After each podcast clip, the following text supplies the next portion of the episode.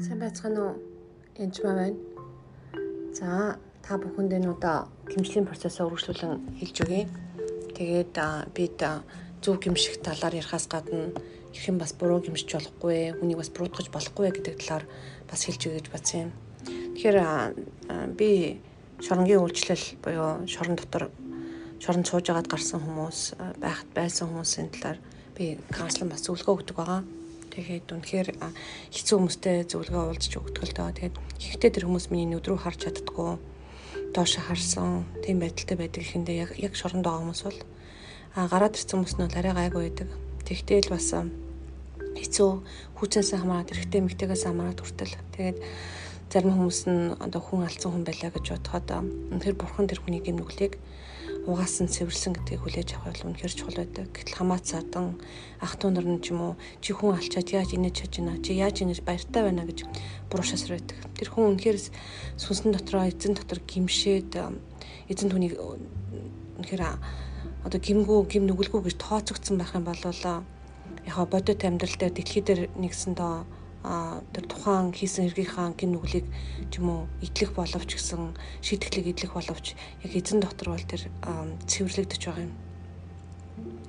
Тэгэхээр энд бол хүчрхийл хийсэн хүмүүс, хулгай хийсэн хүмүүс гэл эсвэл аборт хийлгсэн хүмүүс байж бодно. Тэгээ чи хүүхд алаа үсттэй гэл гимших хэрэгтэй та нар муусаа нүгэлтнүүд гэл орилж байгаа миний бас нэг пастрыг хүртэл би мэднэ. Тэр хүн тухайн хүнийг өрөөсөө хайрлахгүй тэгж орилж байгаа юм Гэтэл тэр аборт хийлгсэн хүн би хүчгээл төртөөд жирэмсэн болоод аборт хийлгсэн нэлээд олон хүмүүсийг мэдэн шүү. Төрсөн ахтаа хүчрхийлүүлсэн, гадаа гудамжинд хүчрхийлүүлсэн, хулгайч хүчрхийлүүлсэн, цохоо дунгаагаад хүчнтэй тэгээд нэрээ тэр жирэмсэн болчихсон. Гэх хүмүүс тийм юм гэж юу байдгийг л гэж хэлдэг. Гэтэ үнэхээр тийм тохиолдол байдаг. Тэгэхээр бурхан дээр гимшлийн процесс гимших гэж очихоос өмнө та бүхэн үнэхээр бурхан танд хайртай гэдгийг ойлгох хэрэгтэй. Тэр үнэхээр хайртай Ирамаа 31-ийн 3-аас 4-ыг уншия. Эзэн түнд холоос үзэгдэн би чамайг үрдийн хараар хайрлсан.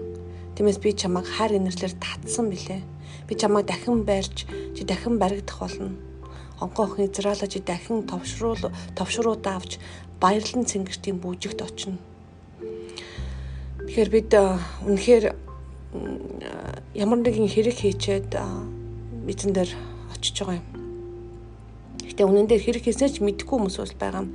Би ямар ч гимгүү гэдэг олон хүмүүсийг бас мэдэн шүү. Би цаснаас цагаан гэдэг. Оо нилээн олон би. Тэгээ би заримдаа тэр та нар тэгвэл Иесус хэрэгтэй мүү гэж асуудаг.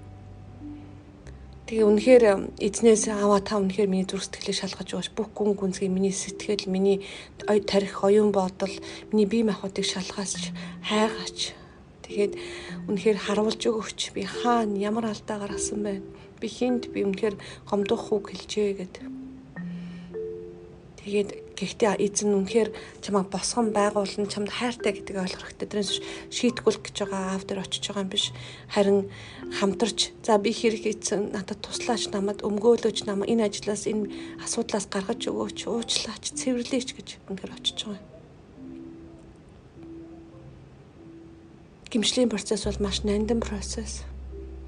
Үнэхээр Бурхантай болон Иесустай дотн харилцаатай ариун сүнсээр дамжуулан хийдэг ажил чин сэтгэлээсээ гимших үед эзэн тавныг үнэхээр босгон байгуулдаг баярлан цэнгэртийн бүжиг та очих болно.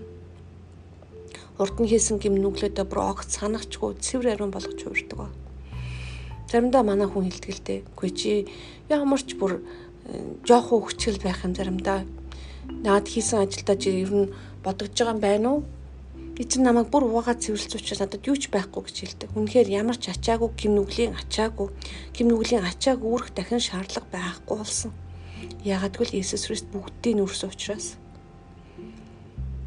Тэгэхээр гимжлийн процесс бол үнэхээр тэр гим хийхтэй олондоо очиж суухаас гэсээ илүү үнэхээр тэр дотн харилцаатай автер очиод үнэхээр бид нарыг ямар гимтэй байхад бурхан цорын ганц хүүгээ явуулаад бидний гэм нүглийг бүгдийг нууцлж цэвэрсэн учраас бид нар бурхандаа дахин харилцаж дахин түүнтэй ярих нүрээр уулзтар боломжийг гаргаж өгсөн гэдгийг мартаж болохгүй. Тэгээд харин энэ бүхнийг хийсэнд нь бас талархах хэрэгтэй. Би барагтаал гимшлийн процессыг хийдгүү. Зарим хүмүүс чи зовн, чи сафр хийн гимшээч гэж орилдог л доо. Би үнэхээр юм хийгээг бол гимших шаардлага байхгүй. Өмнө нь хийсэн гимшсэн юмудаа дахин дахин гимших бас шаардлага байхгүй. Нэгэнт шүүгчтан гэж цохоод чи буруугүй гэсэн бол дахин тэрийг санаадах шаардлага байхгүй. Сануулж байгаа нь харин буруутгаж байгаа нь буруутгаж байгаа нь хин блэ сатан. Үнэхээр гимт хэрэг хийгээд тэр шийтгэлээ эдэлж байвал дахин дахин чи ургуур бай, чи хизүү, чи хинч биш гэж дормжилж байгаа хүмүүс бол харин тэр хиний талд ажиллаж байгаа үлээ. Сайн март. Сайн бодороо. Тэгээд гим нүгэл их баг гэж байдаггүй. Гим нүгэл бол гим нүгэл. Тэргээр уралдах шаардлага байхгүй. Хөх чи 10 хүн алсан, би нэгийг л алсан, би чамаас дээр. Би эсвэл ганцхан энд яасан байна. Нөгөө хилдэг байгаа. Нөгөө нэг хүн болохоор яг би ийм их гимтэй уучлаараа гэж очдог байхад нөгөөх нь болохоор би юу ч яагүй, би өргөлөө сайн өгдөг, би тэгдэг, ингэдэг гэж онгороо зүртгтэр очиж өрөөсөө болохгүй. Тэгээд дараачийн подкастаар хамт гимшицгээе. Баярлалаа.